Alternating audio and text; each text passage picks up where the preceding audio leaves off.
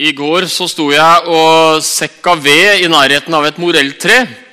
Og jeg kunne høre summinga av bier og andre insekter, og de høres ut til å være i veldig godt humør. De fant antageligvis svært mye søtt og godt oppi det treet. Og dere barna, dere har kanskje morelltrær, eh, både dere barna som er her i kirken, og dere barn som følger sendinga på nett. Dere har kanskje sånne trær i hagen eh, der dere bor. Eller kanskje det er frukttrær. Kan gjerne få opp det bildet hvis du Frukttrær i eh, hagen til besteforeldrene dine. Og det er så mye bra med frukttrær. Vi kan nyte det når de blomstrer, og vi kan nyte de forskjellige sunne, gode fruktene når de kommer. Og Jesus han bruker ofte det bildet for å hjelpe oss til å oppdage litt mer av store og rike hemmeligheter i sitt ord, og knytta til det forholdet han ønsker at både barn og voksne skal få ha til Jesus. La oss be. Kjære Jesus. Vi ber at vi alle sammen, vi ber at så mange som mulig kan være greiner på treet som er deg. Og være tett bindet sammen med deg, med alle de gaver og velsignelser som følger med det. Og gjør det sånn at vi bærer frukt til ære for deg og til beste for våre medmennesker. Amen. Vi reiser oss og hører preketeksten ifra Johannesevangeliet kapittel 15 og ifra starten der. Og det er Jesus som vi hører. Jeg er det sanne vintre, og min far er vingårdsmannen. Hver gren på meg som ikke bærer frukt, tar han bort. Og hver grein som bærer frukt, renser han så den skal bære mer. Dere er alt rene på grunn av det ord jeg har talt til dere. Bli i meg, så blir jeg i dere. Liksom grenen ikke kan bære frukt av seg selv, men bare hvis den blir på vintreet. Slik kan heller ikke dere bære frukt, hvis dere ikke blir i meg. Jeg er vintreet, dere er grenene. Den som blir i meg og jeg i ham, han bærer mye frukt. Men uten meg kan dere intet gjøre. Den som ikke blir i meg, blir kastet utenfor som en grein og visner. Og grenene samles sammen og kastes på ilden, og de brenner. Hvis dere blir i meg, og mine ord blir i dere, da be om hva dere vil, og dere skal få det. Når dere bærer mye frukt, blir min far forherliget, og da er dere mine disipler. Slik lyder Herrens ord.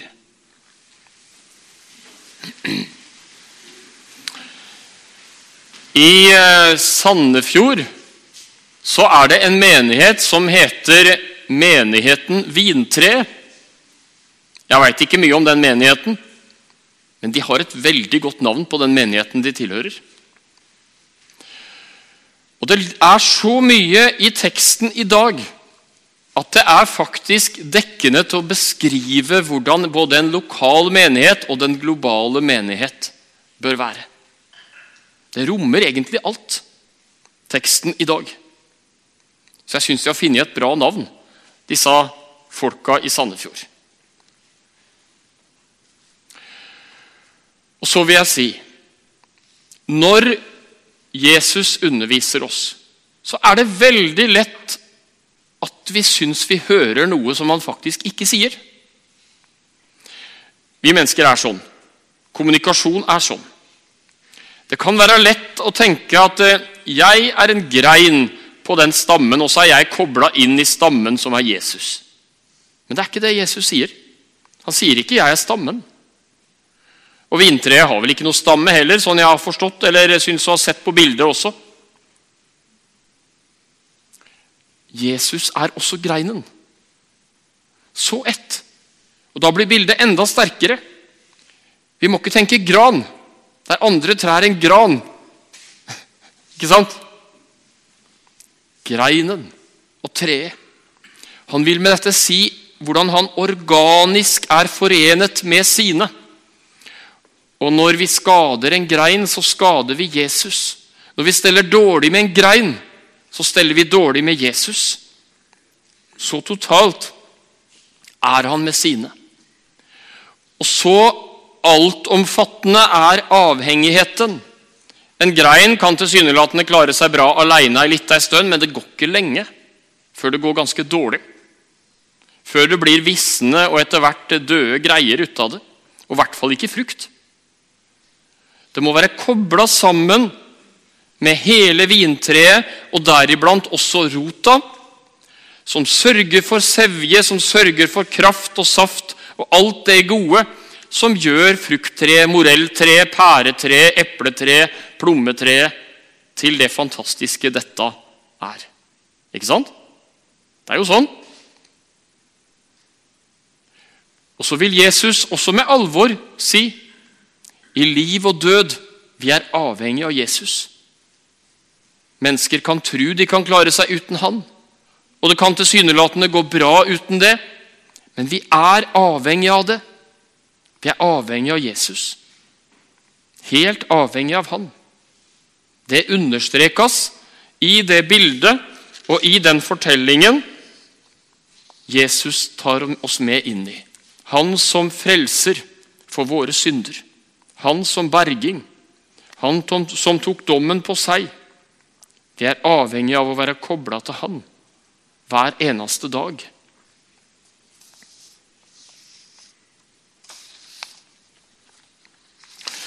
I eh,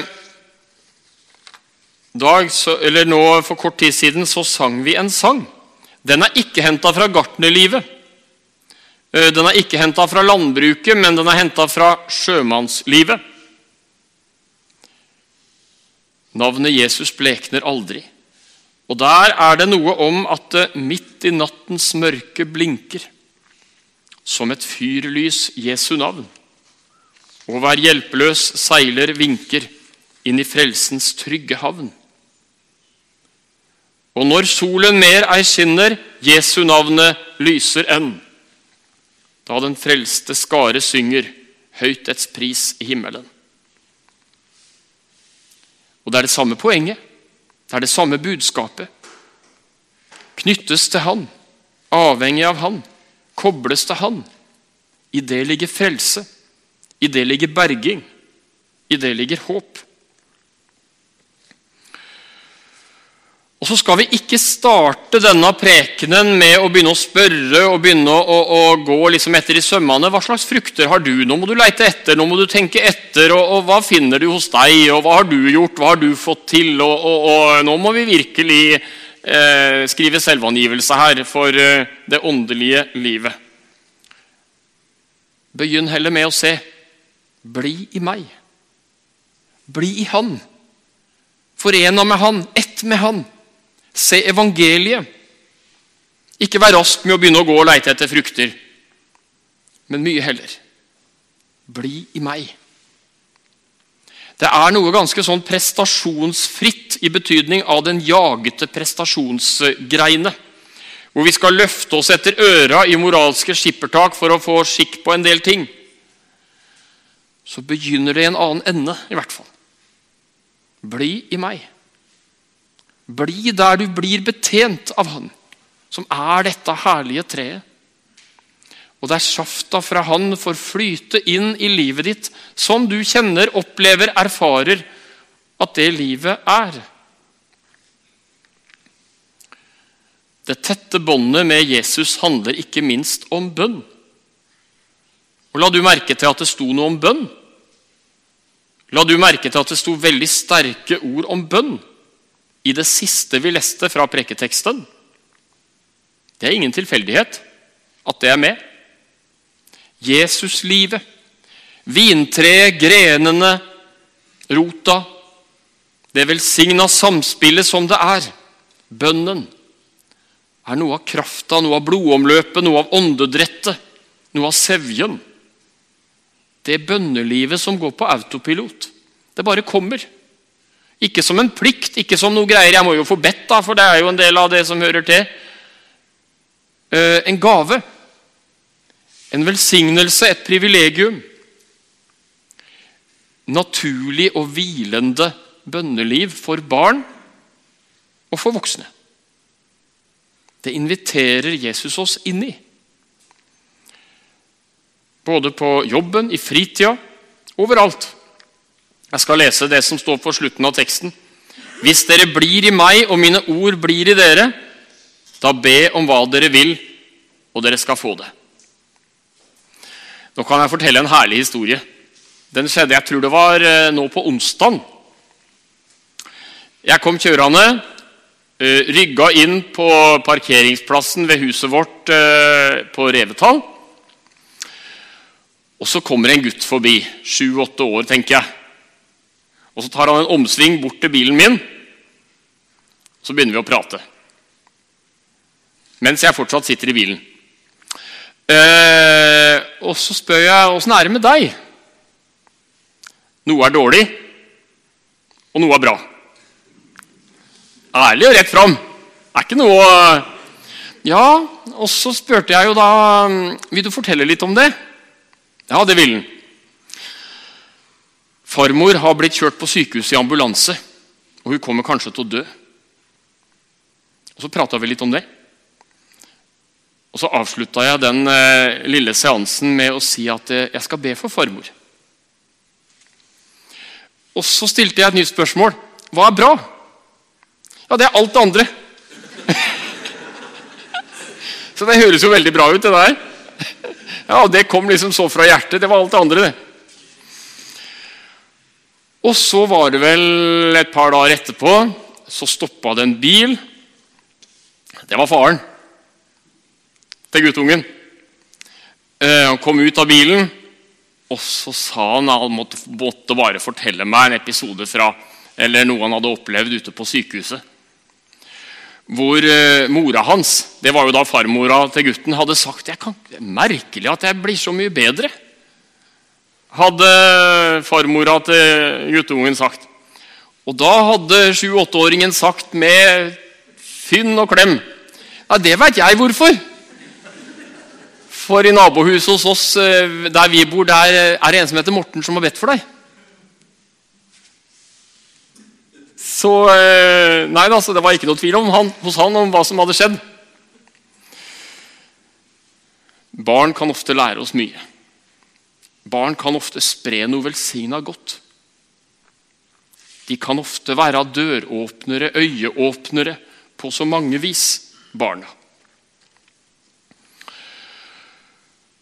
Og I møte med de sterke orda som står i teksten i dag Be om hva dere vil, så skal dere få det. Så forteller det oss at vi kan ha forventning til Gud. Vi kan be med forventning. Vi kan be med tillit, og vi kan overlate små og store ting og legge de fram for Gud i en enkel, barnlig tillit til at Gud er i stand til å ordne opp. Uansett hvor vanskelig det måtte fortone seg for oss. Bønnens gave og bønnens hemmelighet. Det er grunn til å vente positive overraskelser av Gud. Det kan vi minne hverandre om her vi er samla til gudstjeneste. Og så er det ordet om bønn også et misbrukt ord. Det ordet som står i preketeksten i dag. Hvor det er noen som har betona det nesten som om Gud er lik der en bortskjemt fireåring eh, kommer med krav til sine foreldre uten magamål om veldig dyre leker. Både i tide og utide. Kanskje mest i utide. Eh, som om Gud var da lik en sånn forelder som eh, svarer ja uansett. Sånn er jo ikke Gud. Vi bør ikke være redd for at Gud gir oss noe som ikke er bra for oss. sett i evighetens målestokk eller sett etter en annen målestokk. Han veit å dosere i sin visdom. Det hører også med til det Bibelen lærer oss om bønn. Og Derfor er det sånn at de sterke orda, som i første omgang, hvis det ikke ses i lys av andre tekster i Bibelen om bønn, kan bli nyansert, unyansert. Eh, I 1. Johannes brev så står det det, litt mer utfyllende om bønn. Og dette er den frimodige tillit vi har til ham, at dersom vi ber om noe etter hans vilje, som er etter hans vilje, så hører han oss. Vi behøver heldigvis ikke være redd for at Gud skal gi oss noe dårlig.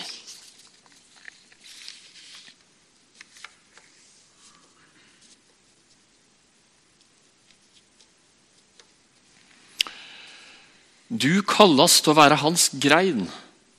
Du er invitert inn i det privilegium som det er å være Jesu grein.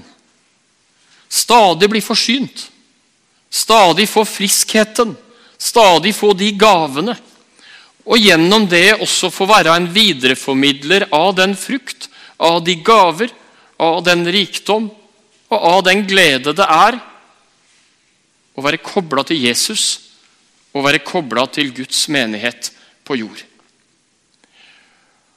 Og En av de tydeligste understrekningene av hva slags frukt det handler om, det finner vi i Galaterbrevet. Åndens frukt er kjærlighet, glede, fred, overbærenhet, vennlighet, godhet, trofasthet, ydmykhet og selvbeherskelse. Åssen er det å bo i hus med samme folk som, som, folk som praktiserer det der mye? Er det greit? Har ikke så verst da. Alle ønsker seg jo det. Det er jo ikke noe tvil om det.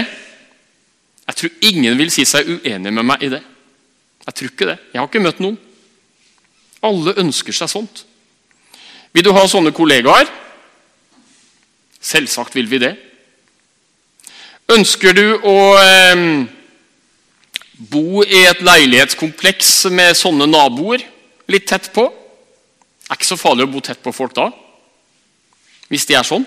Er, er det vel? Ja, Vi har forskjellig smak om åssen en skal bo, og det er lov. For all del, misforstå meg ikke.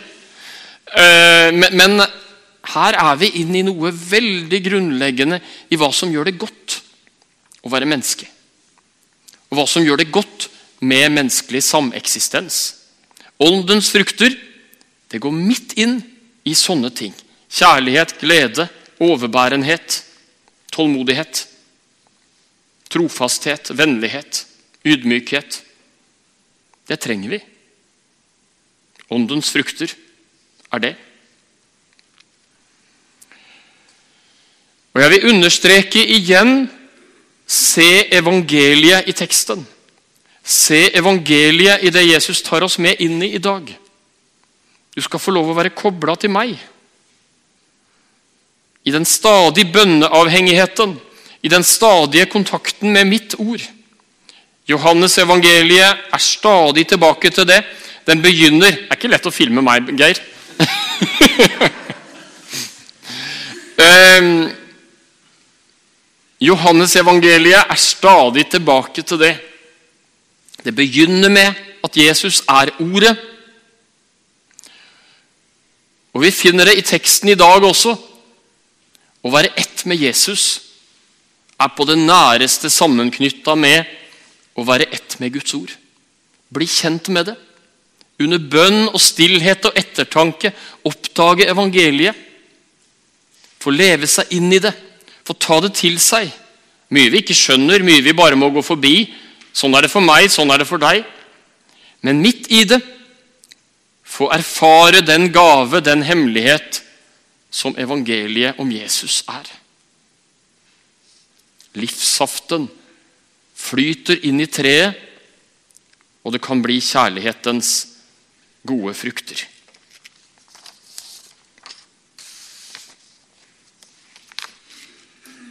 Har jeg holdt på lenge? Kan hende jeg hopper over litt her. Noen ganger så er det brutal beskjæring. besæring. Noen ganger opplever vi ting i våre liv. Noen av dere har eh, erfaringer som bare det av eh, livspassasjer som har vært veldig vanskelige. Og Noen ganger skjønner vi ikke Gud. Ja, men jeg vil jo være en grein på ditt tre. Og så skjer det ting som er ganske annerledes enn sånn jeg har bedt om, og sånn jeg hadde tenkt og håpa det skulle gå. Vingårdsmannen kan noen ganger oppleves brutal. Han steller treet sitt. Det er aldri for å plage.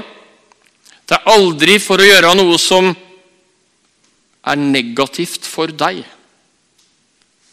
Men det er noen ting som kan kjennes vondt, som iblant er en del av hans kjærlige pleie av det vintreet han vil skal bære frukt, han vil det skal være bra med. Vingårdsmannen. En eh, salme skriver det sånn Du renser mitt hjerte med kjærligste tukt og bløder enn grenen, den bærer dog frukt. En sjelesørgerisk salme, en av de ikke veldig gamle salmene, det der, som får fram noe av vingårdsmannens eh, til tider uforståelige handlemåte, men som også er hans kjærlighet, og som også er hans omsorg for sine greiner.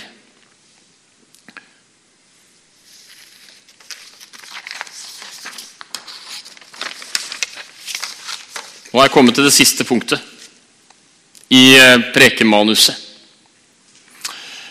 Vår kjære Heidi her i Bjerkelu menighet. Som de fleste av oss veit, eh, så er Heidi blind. Hun kan gå ut i skauen og bestemme arts, hvilke treslag det er på noen trær. Hvordan kan hun det?